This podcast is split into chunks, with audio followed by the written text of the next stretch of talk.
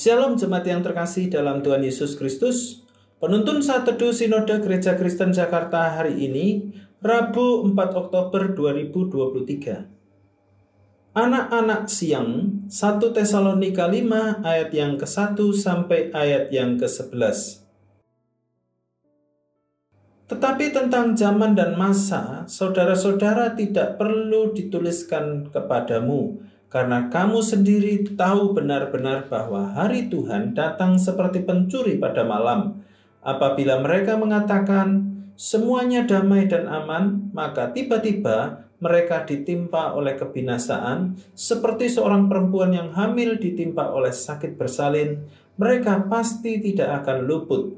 Tetapi kamu, saudara-saudara, kamu tidak hidup di dalam kegelapan, sehingga hari itu tiba-tiba mendatangi kamu seperti pencuri, karena kamu semua adalah anak-anak terang dan anak-anak siang. Kita bukanlah orang-orang malam atau orang-orang kegelapan. Sebab itu, baiklah, jangan kita tidur seperti orang-orang lain, tetapi berjaga-jaga dan sadar, sebab mereka yang tidur, tidur waktu malam, dan mereka yang mabuk, mabuk waktu malam, tetapi kita yang adalah orang-orang siang, baiklah kita sadar, berbaju zirahkan iman dan kasih, dan berketopongkan pengharapan keselamatan.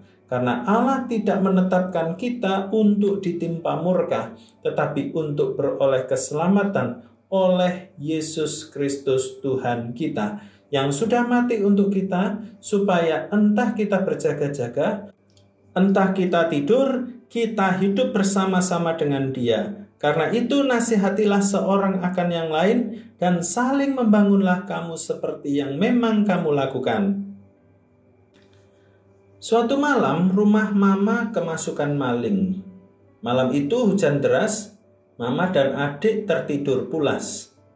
Saat hujan deras, maling beraksi membongkar jendela tanpa ketahuan. Maling berhasil membawa kabur sebagian uang hasil jualan warung dan beberapa barang berharga lainnya. Untung hanya kehilangan materi, tidak membahayakan nyawa. Maling ini datang di waktu malam di saat yang tidak disangka orang.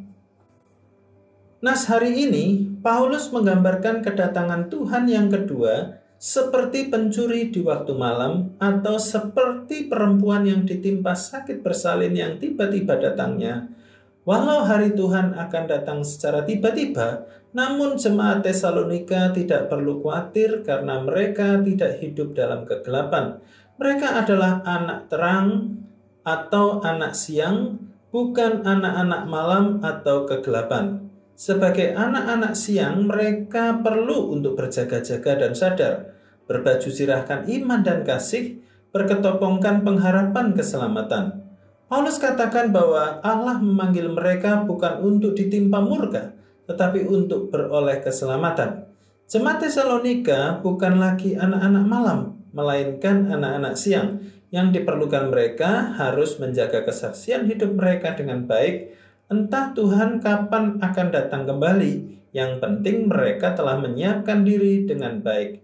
Mereka hidup sebagai anak-anak siang, bukan anak-anak malam. Mereka hidup berjaga-jaga. Bagaimana kehidupan kekristenan saudara? Apakah hidup seperti anak-anak siang atau anak-anak malam? Jika saudara masih terlibat judi, mabuk-mabukan, pergaulan bebas, perselingkuhan dan dosa-dosa lainnya berarti masih anak-anak malam.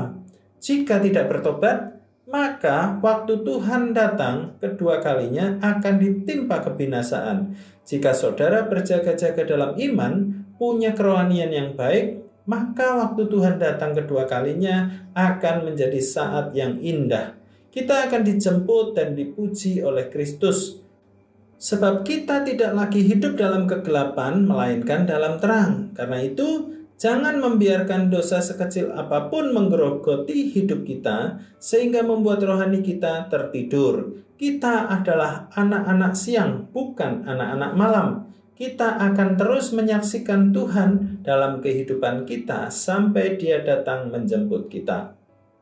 Kita anak siang, bukan anak malam, anak terang, bukan kegelapan. Selamat beraktivitas, Tuhan Yesus memberkati.